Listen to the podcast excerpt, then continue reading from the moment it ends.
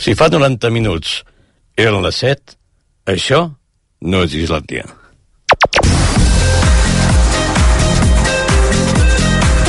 A RAC1, Jordi Beltran, amb No hi som per festa. Uau, uau, uau, uau, uau, uau.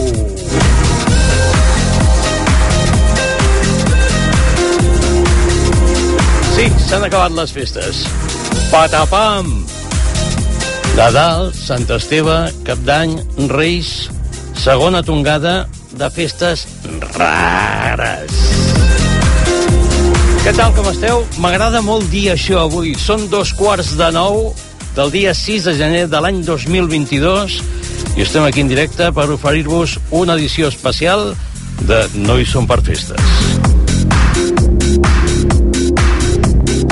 I per què és especial? Doncs perquè avui, ja que és el final de les festes de Nadal, ja que ens acomiadem de tot el festival aquest que hem fet, o no hem fet, o hem deixat de fer, doncs avui volem dedicar aquest No hi som per festes a un fet que jo crec que tothom ha viscut un moment o altre, potser són els més petits no, però que és el comiat.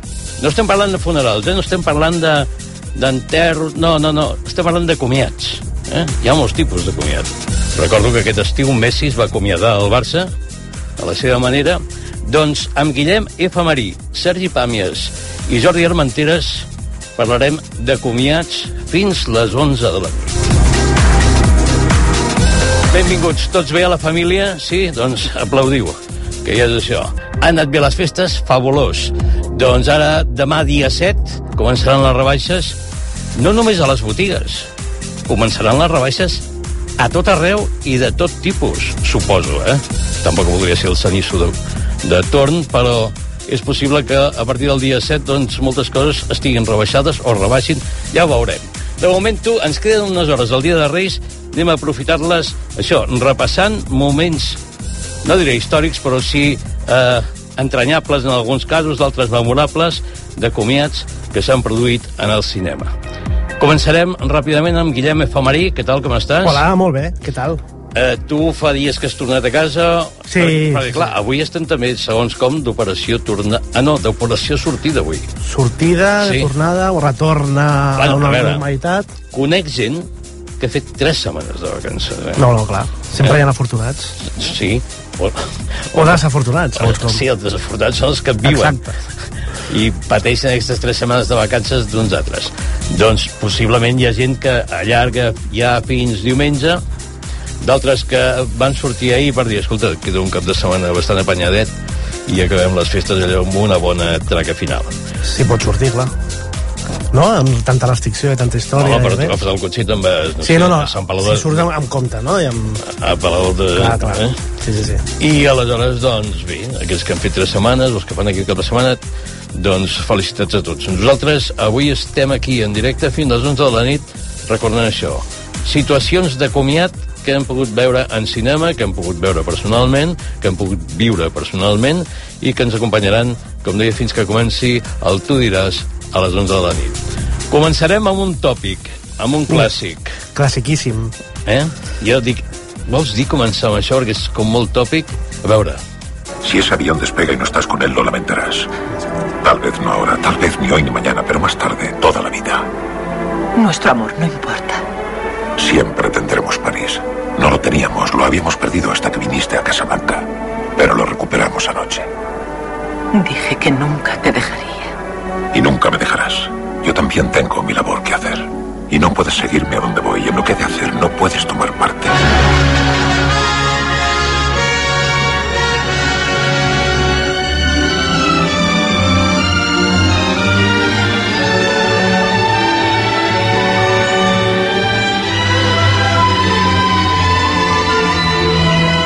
Deia que és molt tòpic, però es pot produir la circumstància de que alguna persona, no sé, de 19, 20, 30 anys fins i tot, o 40, No, i, ta, i de 60 que no l'hagin que, vist. que no l'hagin vist, clar. home, sí, però ja serien menys. Mm, Sabrien, sí. de, de què parlaríem, no? Casablanca. Casablanca. Casablanca. Rick Blaine, eh, acomiadant-se, no?, d'Il Saloon, Mm.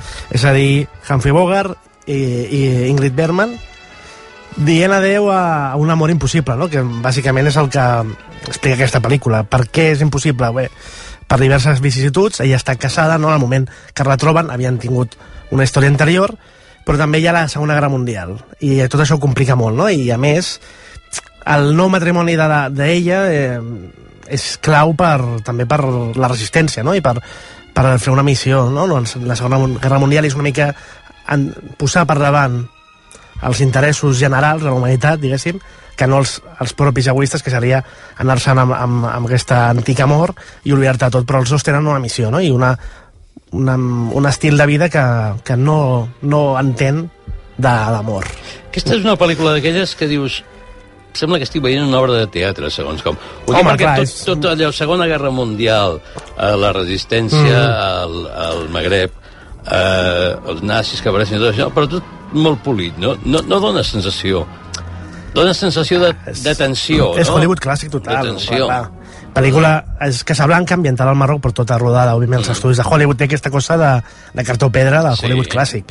Però eh, és una de les millors pel·lícules de història, sens dubte, no? i d'aquelles que està sempre a totes les llistes de Mhm. les pel·lícules més romàntiques de la història, els millors comiats de la història, les millors eh, frases no, de la història, i més, els tres Oscars ho acrediten, no? millor pel·li, millor guió adoptat, director, i una d'aquelles pel·lícules que sempre segueix eh, eh, sortint, sempre s'acaba recuperant, i que jo crec que la, la història ha tractat bé, perquè és d'aquelles pel·lícules que no ha perdut potència al llarg de les dècades, no? Yeah. Encara parlem d'ella i, i la gent té referències. Potser no l'han vist, o, sencera no, però tothom té referències. Per ara poséssim per cas, si en lloc de Humphrey Bogart eh, hagués estat el protagonista Tom Hanks, per exemple, seria molt diferent. Home, clar, Sí, no? cadascú té la seva... Ja. De tota manera, el, que- el comiat d'aquesta pel·lícula és un comiat forçat per les circumstàncies. Totalment. Eh, altruista també, no? Altruista, perquè és el que dèiem, no? és posar més en valor la, la missió que tenen aquesta gent no? dintre de la resistència i no tant a la, a la teva situació d'amorosa, no? Per tant, deixant davant dels teus sentiments i pensant en el bé comú, una miqueta. Mm. Mhm. Doncs un comiat d'aquells que acaba amb avió, però que a més a més... A més està re- rematat per un altre comiat, no? Que seria el que Clar. tanca amb el, amb el policia francès. Sí, Sí, sí, sí. I que és- inicio, una gran és amistat. allò, eh, quan ja estaries a punt de dir oi, això ja és massa adulcorat, segons com, pom, apareix aquella frase final que marca doncs, un, també un final diferent per un comiat que podria ser molt clàssic, malgrat les circumstàncies. És el, segurament el comiat més clàssic no? de, del cinema i, i, i que tothom recorda amb aquest discurs del Humphrey Bogart i, i, i aquí queda per la història. A més, també el, aquelles frases que, que, que estan mal... es- Eh, de fet, és un d'aquests exemples, no? El toca l'altra vegada, Sam. Mm. En veritat no diu això a la pel·lícula, però en canvi s'ha anat quedant és aquestes coses, de, que, aquests efectes Mandeles que es van arrossegant al cap de- d'anys i que queda pel record. És una pel·lícula que pensem més amb el amb l'impacte que ha tingut que no tant la pel·lícula en si mateix. De fet, si la, la pel·lícula o el fragment de la pel·lícula que escoltem Eh. ara està en segon lloc, és perquè, Sí, digue'm, digue'm una mica beneit, si vols, però jo crec que hi ha una certa relació. ¿Dónde estamos?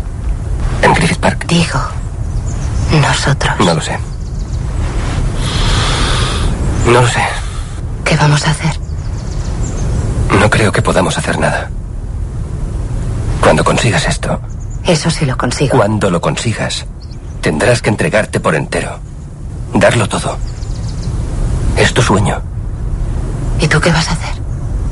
Tengo que seguir mi propio camino. Me quedaré aquí y pondré en marcha lo mío.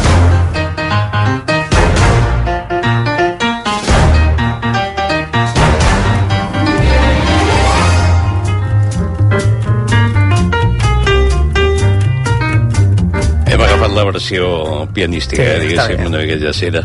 Però és, és d'aquelles músiques que quan la poses acaba aixecant-se tothom, segons Sí, com. Realment la La Land la, la va clavar, no? Sí. Va recuperar el, el musical, que sí, de tant en quant tenim pel·lícules musicals. Mira, ara tenim el No West Side Story de Spielberg, però és un gènere que no està en la salut que tenia, no? Als 50, 40, 30 era el gran gènere de Hollywood i ara tenim una o dues a l'any, no?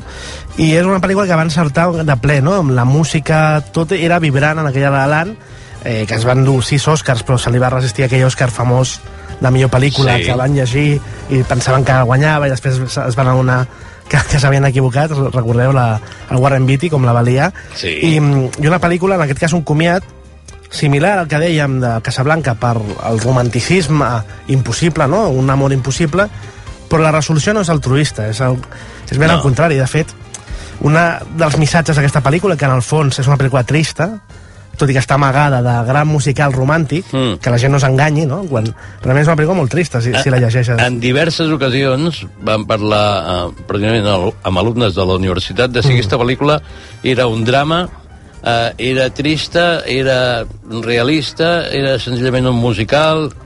Per mi és un drama i és una, més una pel·lícula que a mi em trenca perquè um, el seu director, el Demian Chazelle, sembla, jo el trobo molt decidit a la idea que, que explica la pel·lícula que és que tu per triomfar la vida, per perseguir el teu somni, sigui quin sigui, t'has de centrar tant que has de renunciar a l'amor que és al final que d'una manera o altra els dos fan i decideixen aquesta Mm. escena de ruptura Eh. i apareix una cosa que el mateix director ja ho va explicar a Whiplash Sí. d'una altra manera, però també havia un moment en què el protagonista Whiplash tallava amb la noia perquè havia de centrar-se 100% en la música. Tinc la sensació que aquest home de Ben Chazelle, no sé si ara està enamorat, ara que ja ha triomfat, que té Oscars i de més, i ja es podrà centrar en l'amor, però tinc la sensació que és d'aquelles persones que té molt clara, una cosa també molt de Hollywood, eh, que per triomfar t'has de centrar al 100% i Esclar. has d'apartar tot, tota la resta. Però té una, té una cosa que jo crec que és un gran valor i és que reubica o actualitza el tema dels interessos en parella. Mhm. eh? I d'aquella manera, doncs, aquesta persecució de, de triomfar o, o, si més no, de fer allò que et ve de gust, mana sobre altres, altres interessos és més cert. vinculats a la relació. Mm. Segurament ara anem cap a prioritzar més aquestes coses a la vida, no? El, Mm. Ara està bé en nosaltres mateixos, sigui amb objectius laborals o qualsevol cosa, i després ve la parella, no? O, o si ho poden sincronitzar millor, però és cert que potser anem més cap aquí. També em recordava aquesta pel·lícula um, New York, New York, que de fet és una d'aquelles que, que estaven discutint si l'entràvem a la llista, per aquella cosa de la- l'amor impossible entre parelles amb molt d'ego artístic, no? Al final són dos artistes i, i vulguis o no aquestes eh, relacions entre artistes sovint també fa que hi hagi una, una manera molt endimoniada de, de relacionar-se, no? Perquè eh, quan algú triomfa dels dos, l'altre no, o viceversa, no? I, I les parelles artístiques, almenys pel cinema, no pel que hem vist, estan una miqueta abocades a acomiadar-se no? I, i, i, a, i a fracassar la seva relació. Uh, jo, veient el llistat, o quan el preparàvem, pensava, dic, no tenim cap pel·lícula de Woody Allen. I, i Woody Allen té... Manhattan, sí, Manhattan, comiat, sí, hi ha moltíssimes que- Ell n'ha fet bastants de, de diversos, de Sí, de fet, ara ja ell és un comiat en si mateix, no? Perquè ja Sí. l'han acomiadat i li han... Però, però continua molt fent bones. pel·lis, no? Sí, sí, sí. Les, aquí Quantes en té, més o menys? Quantes en tenir? 40 Jo ja? crec que sí, perquè gairebé una per any, Eh, vull dir que ja porta, sí, 40, 4 dècades, segurament deu, deu estar per allà, per les 40. doncs bé, eh, no és de Woody Allen, sinó que és La La Land, com deia, una pel·lícula que crec que marca, fa un bon retrat del que podria ser eh, la relació de parella actualment Actual, sí, a, sí. a nivells professionals, si vols artístics o d'altra Clar, I a part que és el, també una, un bon retrat de romantitzat també de, de Los Angeles, no? Un, d'aquesta Mm. meca de Hollywood, que és una ciutat en si mateixa també molt, molt estranya i molt, molt port...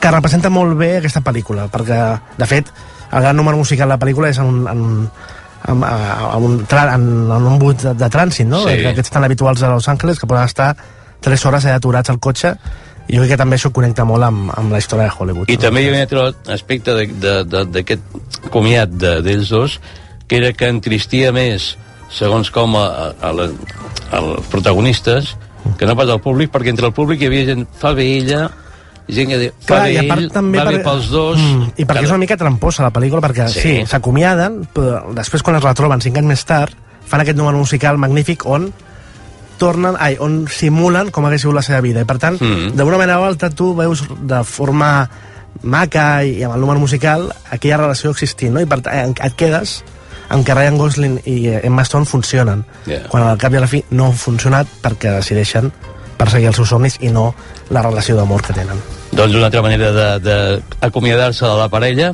I n'hi ha d'altres, eh? com per exemple multitudinàries, que podria ser el cas d'aquesta. Cuando.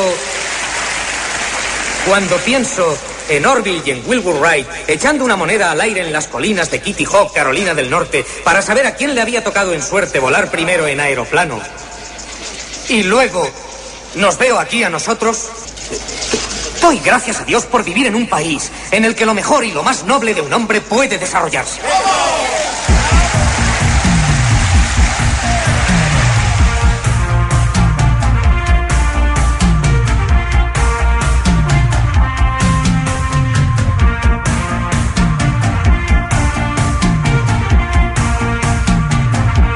Era avui, oi, que a Madrid celebraven la Pasqua Militar o una cosa així? Sí. Em sembla que sí. No sé si és la Pasqua o no sé quina cosa, però una cosa relacionada. Avui no era el d'avió... Ah, mira, després quan parlarem amb l'Armenteres li preguntaré a veure, Sí, ho sabrà millor. a veure què ha fet aquest any.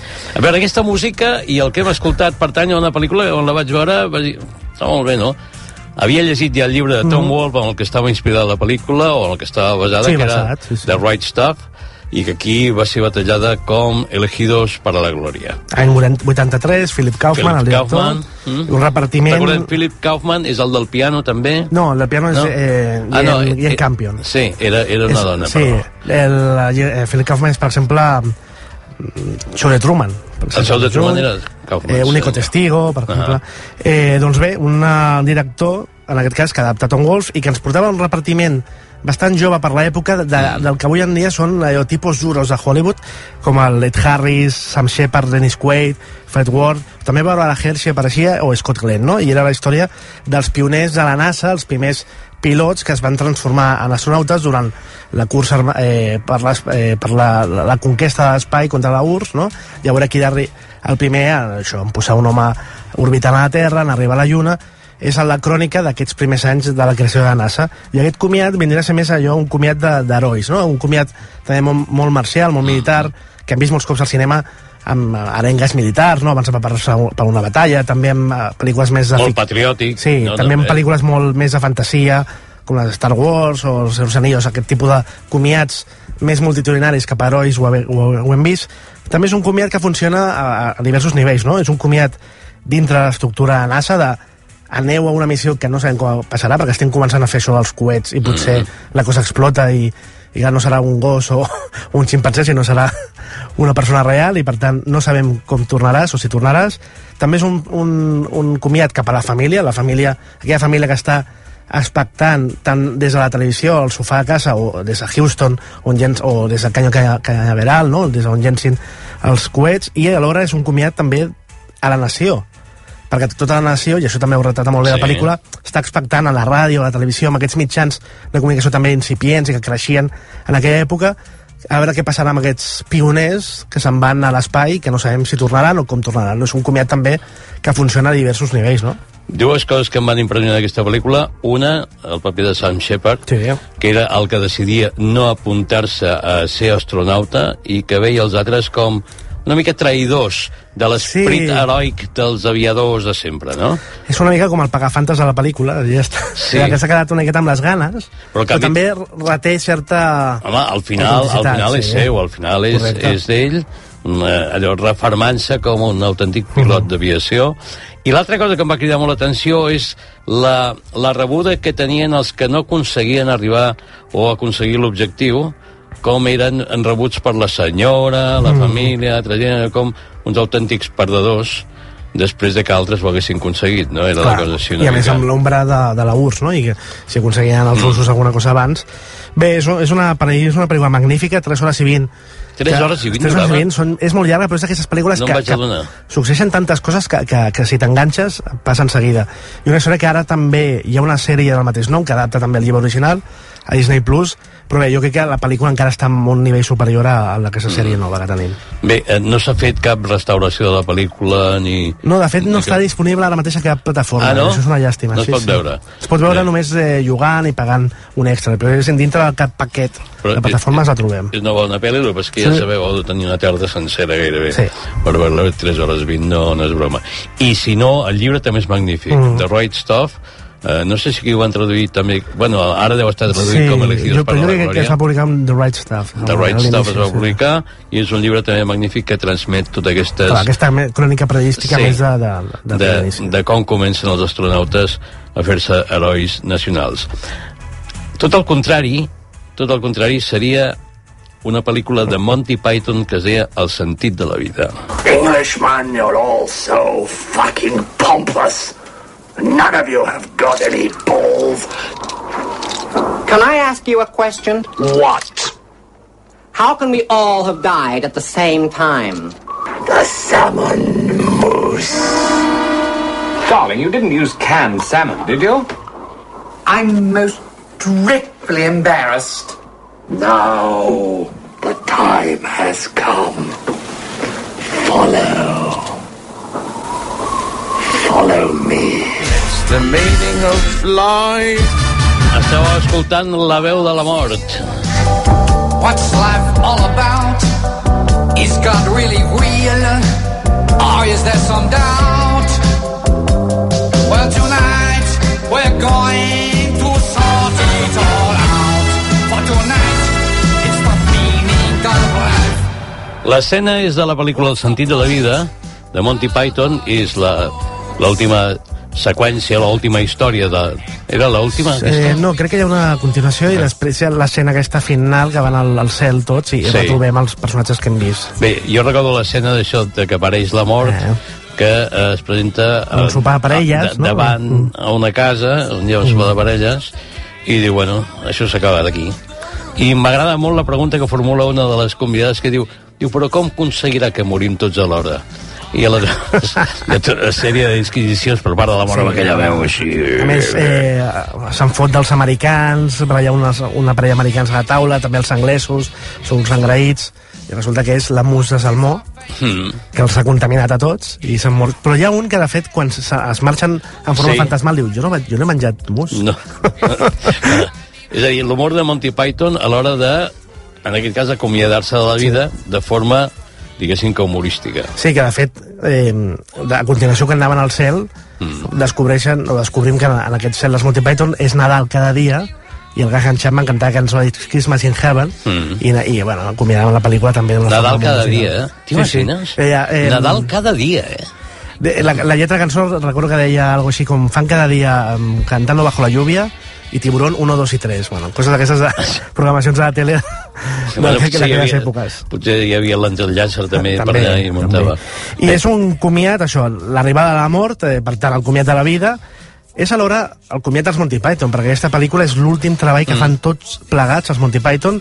La cosa ja es anava Perquè el, el, el peix Wanda no, no hi eren tots. No, no, no. no Eh, només hi havia... Exacte, després de- d'aquesta pel·lícula acaben eh, formalment com a grup, mm. sí que eventualment es van trobant, no? van mm. col·laborar uns amb altres, però com a Monty Python en si mateix ja no torna a haver res, fins que sí que després fan l'Espamalot no? i reconverteixen Sí. aquests musicals a Broadway. Però clar, estem parlant de l'any 83, una pel·lícula que es veu al Festival de Cannes, que guanya el Premi Especial al jurat, però que trenca els Monty Python. De fet, John Cleese no està gens content de com surt la pel·lícula i abandona, i ja se'n va cap a fer les seves coses. Ja havia, ja, de fet, ja havia s'havia acomiadat del, del grup, l'havia abandonat, ja havia tornat, i uns anys més tard mor Graham Chapman, no? qual cosa ja Yeah. la cosa de, de tenir els Monty Python sencers es trenca i aquesta pel·lícula queda com el gran testament fílmic no? de- d'uns Monty Python que són irrepetibles i parlant de comiats si voleu veure un bon comiat a un funeral busqueu el funeral a YouTube de Graham Chapman que està gravat, Sí. em sembla que el va retransmet a BBC la, la, el comiat de John Cleese un, un discurs és increïble com utilitzar l'humor per acomiadar-te una persona en un moment trist i fer riure a tota una capella que està dolguda no, per l'amor d'un d'ésser estimat. És increïble. Fins al final, els Monty Python sempre aconsegueixen treure't un, un somriure, no? I a mi John Cleese no fa pas massa setmanes va ser actualitat perquè es va encarregar molt o va, va sorgir una altra vegada la polèmica d'ell vestit de nazi i tot això, dient que era ofensiu Clar, bueno, i ell va sortir a defensar-se dient que en cap moment pretenia ofendre ningú i que li semblava com una mica absurd ja que després de tants anys encara estiguessin insistint en aquest tema Clar, no? clar, segurament perquè ja- havia d'estrenar un espectacle Sí, sí, d'oceà i van sí, dir ara sí. aquest farà un espectacle aquí sí, va fer De fet, eh, havia d'actuar a Barcelona i per la Covid es va endarrerir mm. i no sé si, si ho tornaran a fer o... no sé, està, és gran ja eh? John és el, és el farewell, és el comiat ja de, de John Cleese, Ja. és com un, una gira que, que per acomiadar-se també dels escenaris. Bé, irrepetibles i també, òbviament, uns Monty Python que crec que el seu humor segurament potser avui en dia, com veus, no? Mm. ara passa John Cleese, no acabaria de, de funcionar. La que repassarem ara, abans d'arribar a les 9, és una pel·lícula que jo crec que ha marcat el fet de que avui dia predomini tant eh, aquesta síndrome de Peter Pan. No quería decirte adiós. No sabe lo que es adiós. Sé bueno.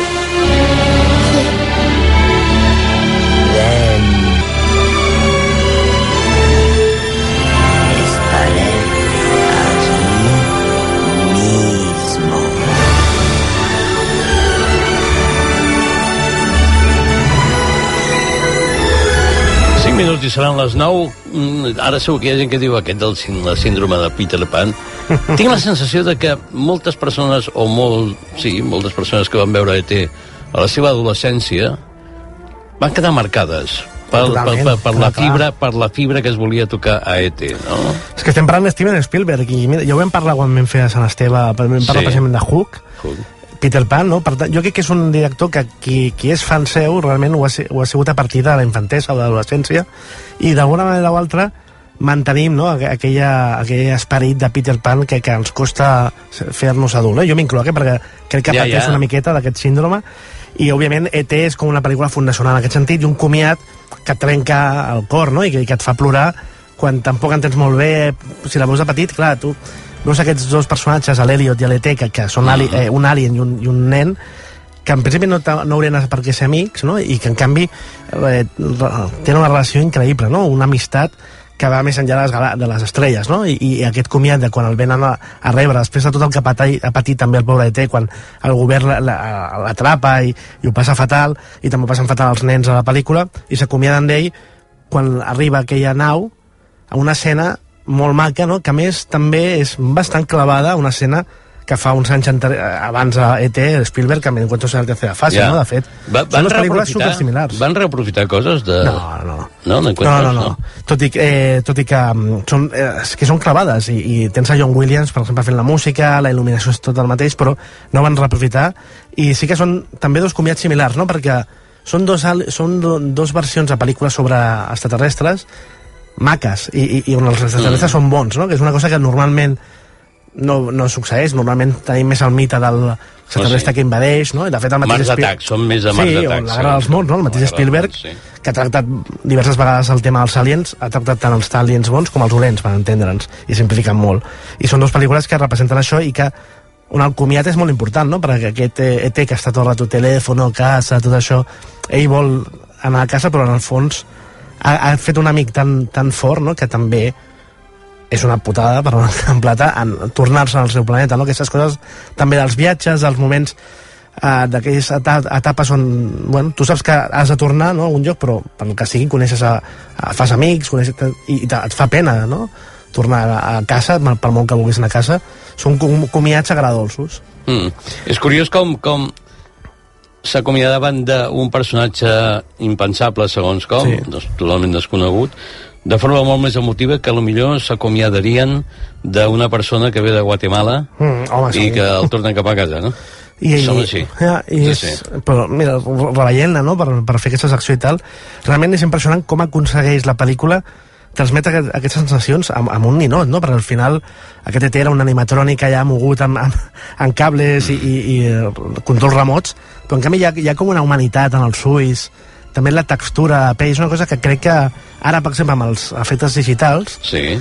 aquesta cosa més tangible l'hem perdut, no? I, I encara que sabíem que era un ninot, ens ho creiem perquè era com tangible, no? I en canvi ara jo crec que hi ha certa buidor en aquest sentit i aquests personatges més digitals no sabien, no són capaços d'emocionar-nos quan estan mesclats amb persones, eh? Yeah. Amb 100% amb animació digital sí, sí que Sí. és una altra història. Funcionant. Però crec que és, això ho, ho hem perdut, no? I aquestes pel·lícules com ET ho recuperen. També un record a Carme Contreras, que era l'actriu que va fer la veu mm. d'ET, Mica, mítica, de, de, per exemple, el Cor de la Ciutat, que, que, que, aquestes coses que dius, ostres, ella era la veu de, Ja. d'ET. Mira, ara que parlaves d'això d'animació i de com ens toquen les emocions, aquest tipus de pel·lícules, pensava ara, tot just que s'acaba Nadal, que el mateix dia de Nadal vaig veure al vespre una obra de Nadal que estava dipositada al costat d'un contenidor i vaig dir, coi, Ja comencem. que, que poc els ha agradat a aquesta gent el Nadal. O sigui, l'ha volgut perdre de vista. I llavors pensava, dic, hosti, aquí Pixar, no sé si s'ha fet mai, eh? Vam parlar un cop d'aquesta idea que Sí? tenies. Sí, sí. fer una història d'arbres de Nadal del viver, de com Mm. després van a la parada, des, o a quina casa... Seria una mica Toy Story, De però amb arbres de Nadal. I Jo això s'ha fet. Em vas fer el pitch aquest un dia i, Sí. i escrivíem-lo abans que Pixar ens ho robi. Ara algú de Pixar està escoltant. No, ja veig que diuen RAC1 no, massa i- complicat. i- Però i aquí entraria copiarà també idea. l'arbre de plàstic xinès, eh? O sigui, Sí. que, compte. No Clar, però l'arbre de plàstic xinès se'n va allò, un armari no? per l'any següent que el guardem i, i, i recupera aquest sempre té el, la tornada l'any següent Doncs la tornada serà d'aquí 5 minuts, quan ens diguin les notícies que han passat al món en aquests moments. No hi ha notícies en aquests moments, no hi ha notícies. Bé, no, és, són, mira, feia anys que ho volia dir, són les coses del directe. O sigui, jo pensava que a les 9, clar, normalment ja tenen notícies incorporades al 9C i avui no hi ha notícies. És, no, és, to, és tot cosa meva Fan perquè, festa. perquè no he preguntat, eh, no, no ho he tingut al cap. Bé, doncs nosaltres seguirem, seguirem, sí, sí, seguirem parlant de, de comiats, que és el tema que, que ens porta avui fins aquí.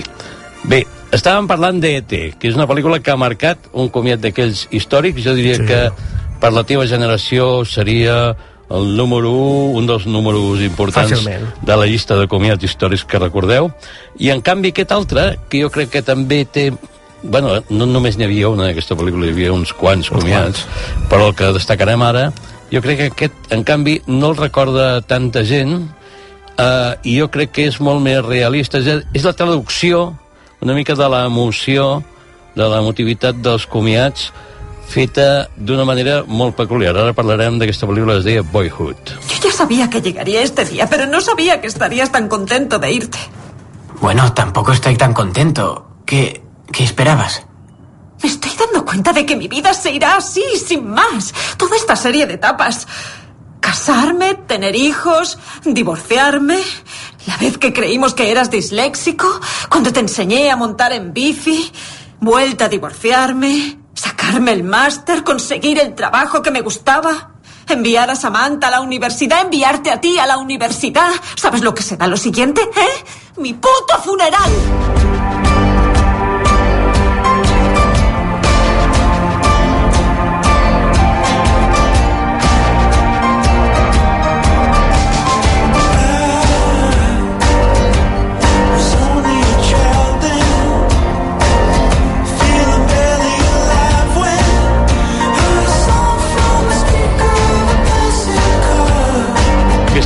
De les cançons que apareixien a la banda sonora de Boyhood, una pel·lícula impressionant, sí.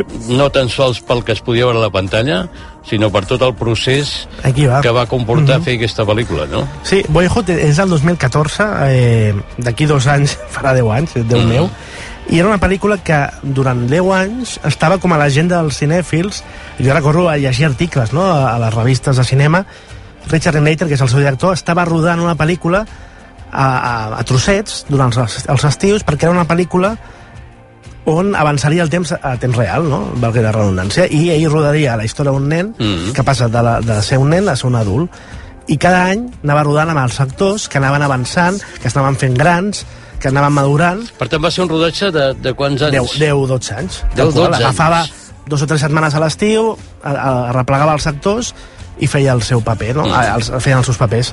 Clar, amb el que comporta això, no? que és mantenir un paper al, al llarg de 10-12 anys, intentar tenir a nivell actoral, per exemple, certa línia de, de cohesió no? amb el que tu fas. T'ho imagina't cada any concertar-te tres setmanes per fer un paper que saps que va evolucionant amb els anys, no? Era un experiment que era allò que... Jo era, eh, tinc aquesta sensació de, ostres, això de Boyhood mai arribarà, al final no ho estrenarà, alguna... i finalment ho va aconseguir, i a sobre l'èxit, sigui, l'experiment va ser un èxit. Mm. Li va funcionar, és una gran pel·lícula, independentment de la parafernàlia d'aquest experiment, no? La pel·lícula funciona en si mateixa. Però clar, és una pel·lícula que hagués pogut durar 8 hores. Si hagués volgut, segurament sí, però, Sí. però clar, la gra... que és de fet el que semblava, no? Ja, Quan ja. es parlava molt d'aquesta pel·lícula, semblava que seria una cosa així, no? I, i no, realment ell la munta i la construeix mm. perquè és una pel·lícula, com us dic, viable, no? Pel·lícula i un comiat, el que escoltàvem, eh, un comiat de mare, no? Eh, una mare que eh, s'acomiada d'un fill que s'anirà a la universitat, aquesta cosa també tan americana de que, com que se'n va a la universitat a quilòmetres de casa, doncs deixen de viure a casa i per tant aquesta mare té aquest, que és la Patricia Arquette, que va guanyar l'Oscar a millor actriu secundària. Sí.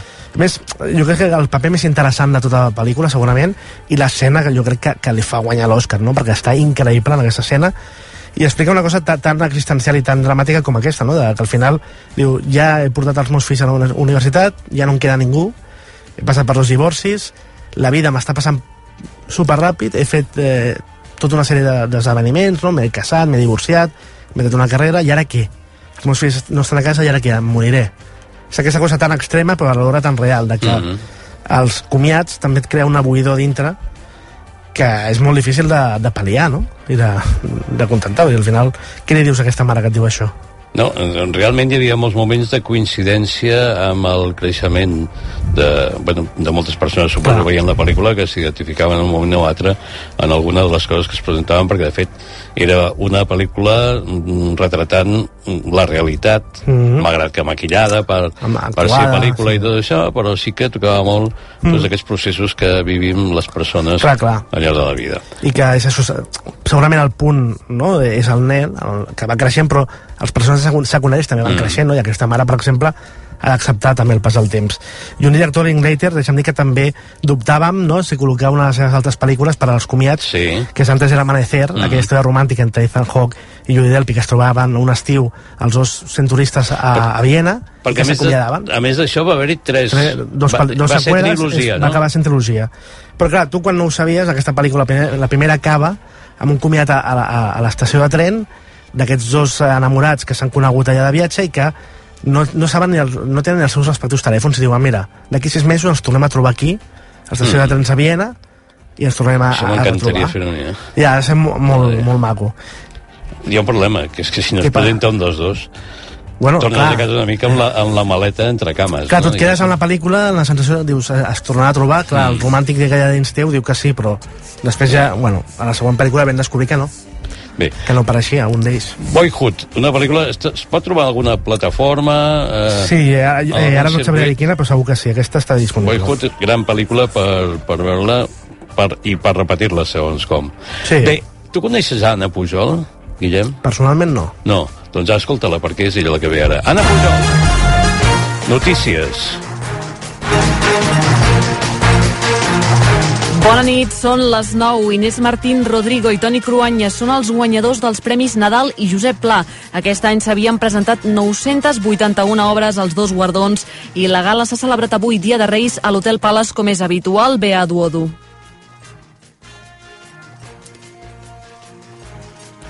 Sembla que no tenim aquesta connexió, intentarem tenir-la més endavant. Mentrestant, l'Organització Mundial de la Salut ja vigila la nova variant detectada a França, coneguda com AIH1. L'organisme assegura que es va començar a supervisar a principis de novembre i que actualment no està circulant molt activament.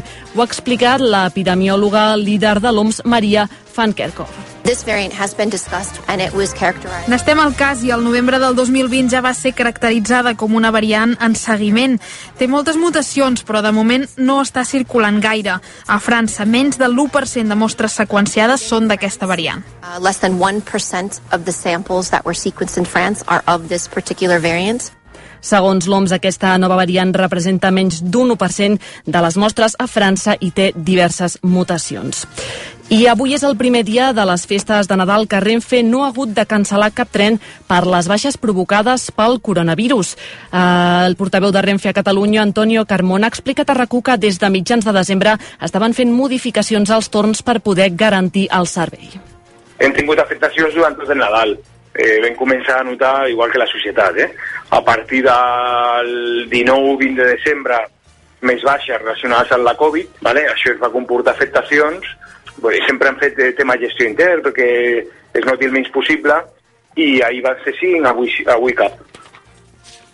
Tot i que avui no hi ha afectacions, segons ha pogut saber rac demà ja està previst que, ens, que es cancel·lin 10 trens. Actualment una quarantena de maquinistes de Renfe continuen de baixa per coronavirus. I ara sí, ens interessem pels guanyadors dels Premis Nadal i Josep Pla, com dèiem, Inés Martín Rodrigo i Toni Cruanyes. Què en sabem bé a dur a dur? Doncs les formes del querer i la vall de la llum, aquestes són les dues obres guanyadores del Premi Nadal i del Premi Josep Pla respectivament. La novel·la de Cruanyes és una obra familiar, un homenatge al seu avi a qui va perdre durant el primer any de pandèmia. L'obra barreja records del petit Cruanyes amb unes memòries escrites per l'avi. L'altra guanyadora és la novel·la de la periodista Inés Martín Rodrigo. Aquesta és la seva primera novel·la de ficció i explora les diferents formes d'estimar a través dels records de la protagonista la Norai.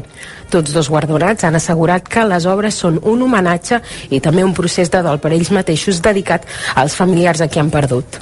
También estoy convencida de que lo que no se nombra no existe. Y por eso decidí escribir esta novela, en busca de, de algo de alivio, de un poco de luz el motor d'escriure aquest llibre va ser la mort del meu avi en una residència geriàtrica durant la primera onada de la Covid. He escrit aquest llibre com una teràpia compartida per tota la família. He fet servir la memòria com una font de consol. Aquesta era la 78a edició del Premi Nadal i s'ha fet un especial homenatge a Carmen Laforet perquè és el centenari del seu naixement. L'autora de Nada va ser la primera guanyadora d'aquest premi a l'any 1944. El guardó s'ha entregat a l'Hotel Palace, com és habitual, en un petit acte on només hi han, hi han pogut acudir els mitjans de comunicació i l'ha conduït la periodista Lídia Heredia. Aquest any tampoc s'ha fet el tradicional sopar literari. També hem sabut que les dues obres sortiran publicades el 2 de febrer. Gràcies, Bea. I ha mort el director de cinema Peter Bogdanovich, una figura clau del corrent conegut com Nou Hollywood durant els anys 70. Entre les seves pel·lícules destaquen Lluna de paper, Què em passa, doctor, o l'última projecció, que va estar nominada a millor guió adaptat i a, i a millor director. El cineasta nord-americà ha mort als 82 anys per causes naturals a la seva casa de Los Angeles, segons ha informat la seva família. I ara els esports, amb l'Oriol Jové. A aquesta hora estan en joc dues eliminatòries del 16 de final de la Copa del Rei. Acaba de començar la segona meitat. De moment, Atlètic de Bilbao eh, eh, s'imposa per 0-2 al camp del Manxa Real de la quarta categoria. També està en joc ara mateix l'Almeria Elx amb victòria momentània del conjunt andalús. D'aquí a menys de mitja hora es disputa l'últim creuament entre el Rayo Majadahonda i l'Atlètic de Madrid, al Wanda Metropolitano.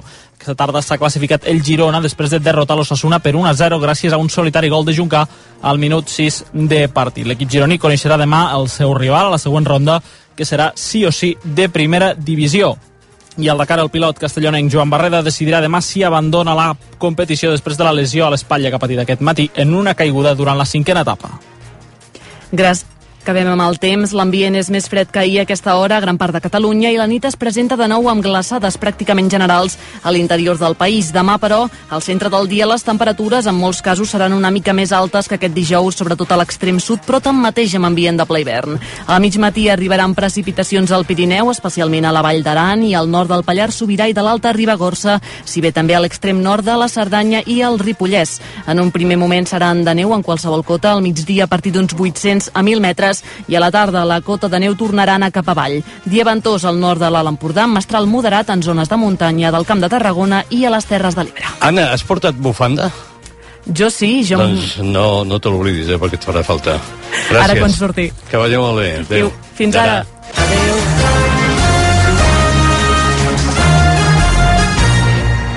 Adéu. i 12. Imposar mesures restrictives no és agradable, tampoc desitjat, però és necessari. Si miren nombre de casos, es d'espera que continuem pujant en les properes setmanes, però no sabem quina serà l'evolució. Si les dades que estem veient reflecteixen realment el que està passant, aleshores el pic podria ser la primera setmana de gener. Si no fos així, aleshores ens mouria més cap a la segona setmana de gener. I després de festes, què? Aquest dilluns, a partir de les 9, tertúlia mèdica amb els doctors Magda Campins, Bonaventura Clotet, Antoni Trilla i Daniel Prieto Alhambra. El món a RAC1, amb Jordi Basté.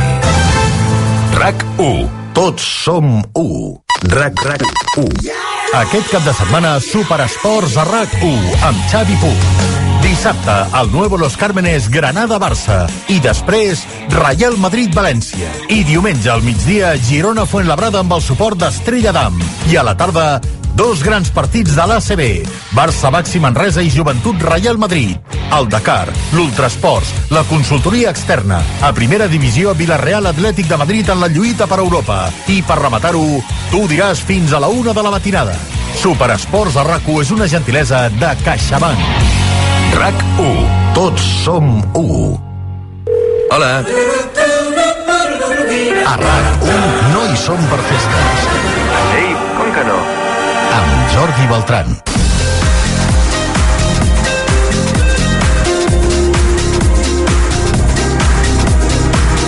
Pràcticament un quart de deu de la nit esteu escoltant No hi som per festes, edició especial Dia de Reis de l'any 2022, un any que acabem d'inaugurar, i també dedicada especialment als comiats. Estem repassant comiats de pel·lícula i també repassarem d'aquí un instant maneres d'acomiadar-se.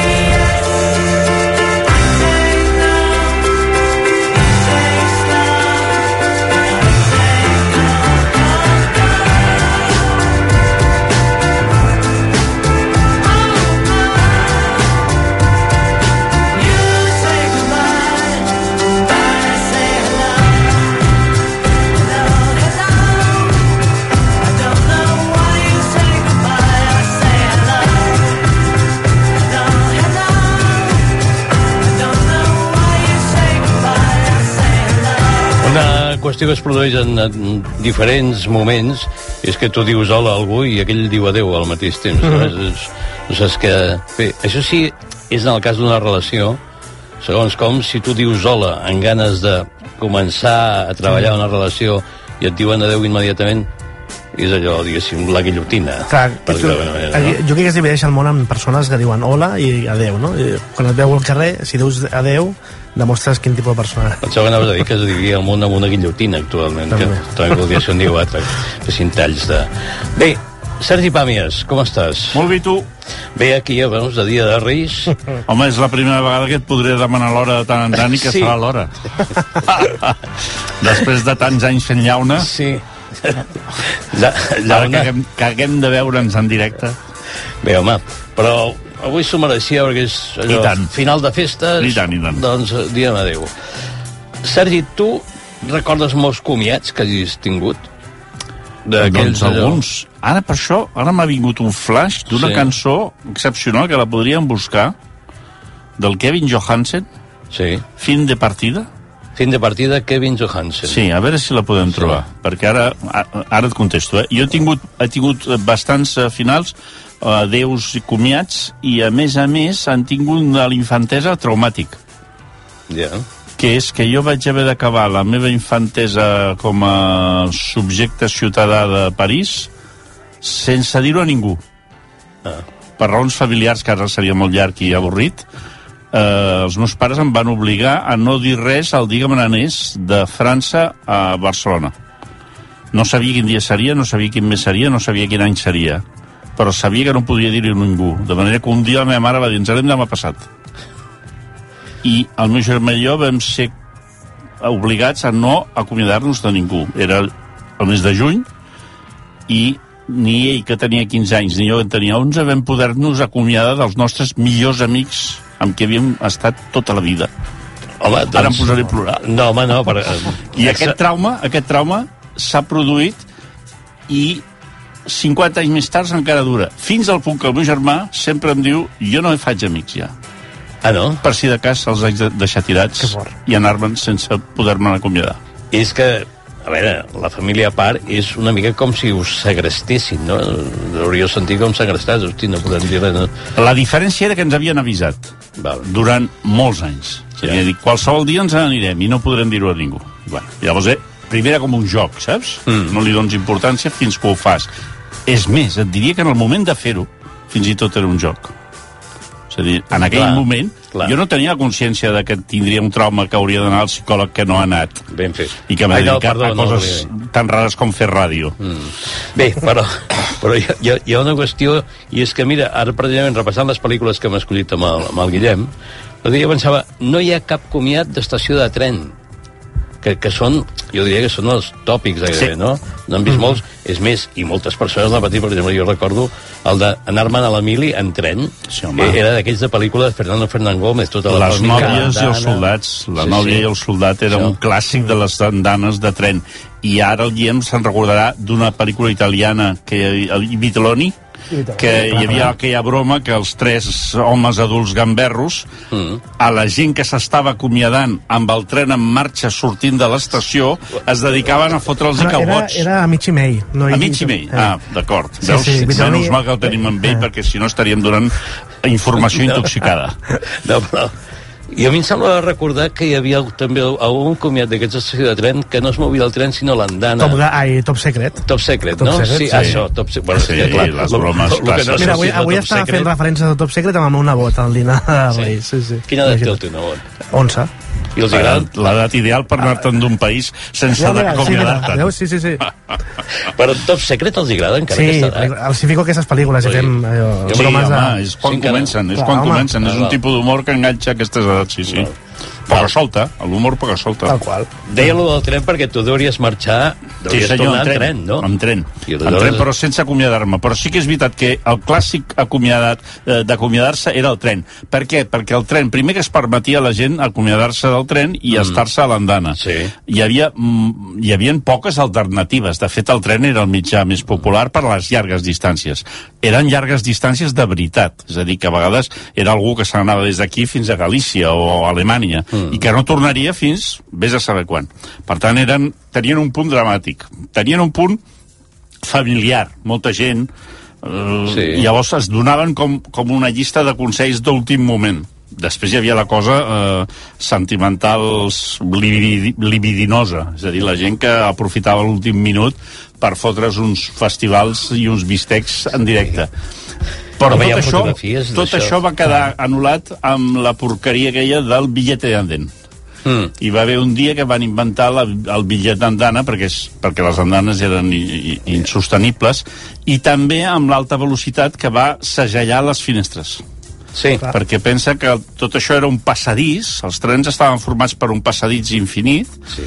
que totes les finestres donaven a l'andana. Mm. I només havies de baixar la finestra i, i acomiadar-te. En canvi, a l'altra banda sí que estaven segellades, perquè no, no, no hi hagués... Jo en tinc una de tren, no sé si puc considerar-la traumàtica o no, que va ser, em sembla que era una Setmana Santa que la meva mare i el meu germà anàvem a Falset i el meu pare no podia venir i vam voler marxar dijous a la tarda, que era allò, màxima afluència de públic a l'estació de França, i recordo, em sembla que ho he explicat alguna vegada ja, el meu pare agafant-me i Tirant-te per la finestra. introduint-me Sí. al tren per la finestra Això era un, era un dels clàssics. Jo Sí, també sí. vaig arribar per l'estació de França, eh? o sigui que és un, és un lloc de formació. Sí, o sigui, ho recordo perfectament. Sí. I que vaig caure al cap, no vaig caure perquè em va agafar la meva mare, però vaig anar a petar al- sobre el cap d'una senyora que després ens oferia truita de patates per si volien convertir-la en ella.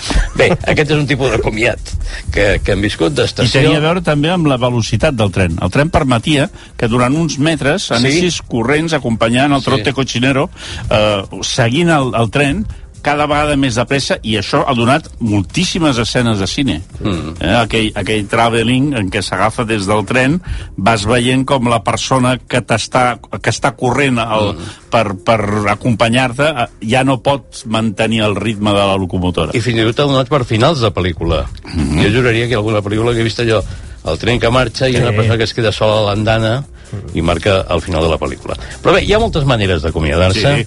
i de moltes situacions diverses. Abans comentàvem, per exemple, el comiat de Messi, no?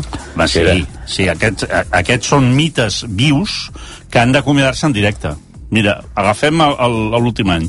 Mm. Tingut el comiat de Messi, que era un comiat inesperat, accidentat. Algú que no pensava que haver-se'n d'anar, en dos o tres dies ha de prendre la decisió de com ho explico. Què va fer ell? Va fer una cosa que es fa molt en l'esport d'elit, últimament, els últims anys, que és plorar perquè, és a dir, no, no és que digués ara anem a plorar, sinó que ja no tenen el complex aquell de no haig de mostrar els meus sentiments, ja, ja, ja, s'ha- ja estat, no només ha estat més, sinó que gairebé ho esperem, no? Estàs esperant que plori, perquè si no, no, no Però, per té... exemple, Koeman no, no. no es va acomiadar, no? Sí, però no. Koeman no, no li, és un altre tipus de, de cultura fins i tot yeah. i a més a més se'n va anar de mala manera Clar. estem parlant d'algú prou important com per haver-se acomiadat. I l'altre seria, seria el Serrat. El Serrat Sí. sí. no s'ha acomiadat, però que fa una conferència de premsa per anunciar que es retira i que per retirar-se estarà un any. Clar, això és com posposar el, el dolor de la, del comiat al mateix temps compartir-ho de dir, ostres, sapigueu que ens acomiadarem, estarem... És una festa d'un any. Sí. Després, serà per tot el món? O sigui, jo, quan m'imagino el, el poder que té Serrat de poder-se acomiadar d'aquesta manera, i quart, és un negoci ja, important. Que... Però no tens la sensació que la idea sigui fer negoci, eh? Tens Ja. més aviat la sensació de dir, escolta, és un homenatge que em, don, que em faig a mi mateix i que faig al meu públic. No?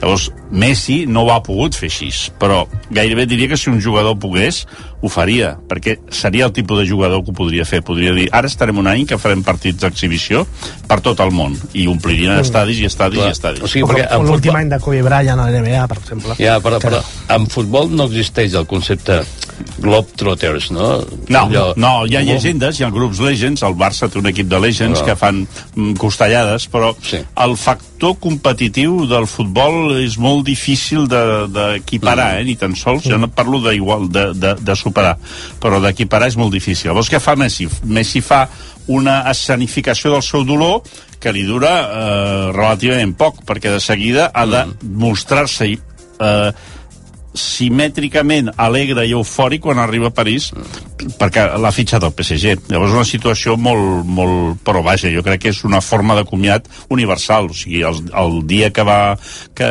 que Messi es va acomiadar, tots els que l'hem viscut no l'oblidarem. Ja. No, no, Oblidarem altres coses de Messi, però el dia que se'n va anar no l'oblidarem. Però ara que parlaves dels músics, hi ha una... Jo no sé si és un vici o... Músics que retiren, grups que retiren, i que al cap de dos, tres, quatre anys diuen, farem un concert únic sí. de tornada, però després aquest concert únic s'allarga també Clar. durant un any, no perquè actuïn cada dia, però van allargant la Sí, cosa. i no? aquest any hem tingut un exemple que és Lluís Llach, Sí. que eh, s'havia acomiadat fa, em sembla recordar, 16 anys o 13 o No sé, uns uns quants, quants. sí. Jo recordo les bufetades que hi havia per aconseguir entrada per l'últim concert, que en va fer tres, perquè Mm. hi havia massa demanda, gent eh, que es va que es va emmarcar a l'entrada que es va, i que no se la van tatuar de miracle. I aleshores ara, per, perquè, perquè havia vingut de gust i perquè a més hi havia una causa política darrere, doncs ha, ha tornat a fer un concert. I, doncs clar, algunes de les persones que van mm, remoure cel i terra per aconseguir aquelles entrades, una mica mosques, no? De dir, home, si Jo havia ho Eh, jo a l'últim concert hi havia jo. I llavors, Mm. si ara de cop i volta el meu nebot, que és un mindundi, de cop i volta s'ha comprat una entrada per internet i, i ha anat al Palau Sant Jordi, no té el mateix mèrit, no? Però també és veritat que és un risc que s'ha de córrer amb els artistes, com amb els toreros. Un torero que de cop i volta li van malament els negocis i els veus tornar amb unes panxotes i amb uns toros drogats perquè puguin eh, tirar Corrida endavant. de toros, corrida de toros drogados. Sí, sí, sí. De, la, de la ganadería, eh? de la ganadería drogada. De Jennifer López. Y toreros, aunque todos toreros muertos, toreros obesos. Bueno, mira, avui precisament fa un any d'un comiat inexplicable segons com, però que passarà a la història, que és el comiat de, de Donald Trump. Mm. Aquest tio es va acomiadar el dia 6 de gener incitant a les masses a rebel·lar-se contra Déu-n'hi-do la voluntat- festa, eh? Déu-n'hi-do la festa que va Sí, muntar, però era, eh? després d'això ja Sí. sí. la cosa va quedar com, com aturada, va ser el seu Sí, últim míting sí, sí. així potent, i... Però aquelles festes del Pierre Roca, eh, de, de, de, de l'època preolímpica, que és el record de les més grans festes que hi ha hagut a Barcelona, senyor. doncs ha quedat superat per Donald Trump i la festa que va fer per, per acomiadar-se. que de fet no era un comiat, sí, perquè ell, ell no, no, No, fet, no, té no, la intenció de intenció era una altra, clar. Era una altra. Però bé, ho dic perquè com avui es fa, fa just un any d'aquelles imatges que jo estava veient, què, però què està passant? Què és el que està fent? Bé, aleshores, hi ha... Els polítics s'acomiaden de formes diverses. Alguns? Eh, mi, mi, miren de fer-ho molt públic. Jo, Mira, jo tinc el de, la, no. el de la Merkel. Sí. Eh? Angela Merkel s'ha acomiadat com? Amb un discurs. Mm. Discret. O sigui, l'exemple de la Merkel és realment eh, superlatiu pel que fa als valors que ha transmès i a la coherència. O sigui, és un personatge públic mm. que ha estat a primera línia durant molts anys, a més a més amb un recolzament dels vots, i que no ha desentonat gairebé mai entre el, el què i el com. Mm. O sigui, és un cas de coherència brutal. I en el moment d'acomiadar-se, que és el que estem parlant avui, què fa? Fa el que s'ha de fer. Fa un comiat i fa un anunci que. No sé si heu vist el d'anunci Sí, Ikea. entra allà una sala, va Sí. seure i tot això. És, és extraordinari. O sigui, Ja. no es pot superar això. No. O sigui, l'anunci d'Ikea que podria haver sigut tranquil·lament l'anunci del- de fa uns anys del Sonar. Sí. Tu recordes aquells anuncis del Sonar que eren pop sí. conceptual i que podria sortir el Maradona amb un traje de busso... Les bessones, Ah, aquelles, tot això. pues Merkel asseguda amb una butaca d'Ikea podia dir ens veiem al Sonar. Veus, si, si Quim Torra s'hagués avançat i hagués fet el comiat a Mobles Maldà, hagués estat una altra cosa, també. No Ara, sé, ara has tentat a la bèstia. No, no, Has no, dit no, no. mobles Maldac i jo recordo el, la frase sí. que deia aquell actor que es deia Borràs. Sí, senyor. Mobles que a la vora del mar són mediterranis i que són muntanyencs entre pics i, i serrats. Els mobles de casa de Mobles Maldà.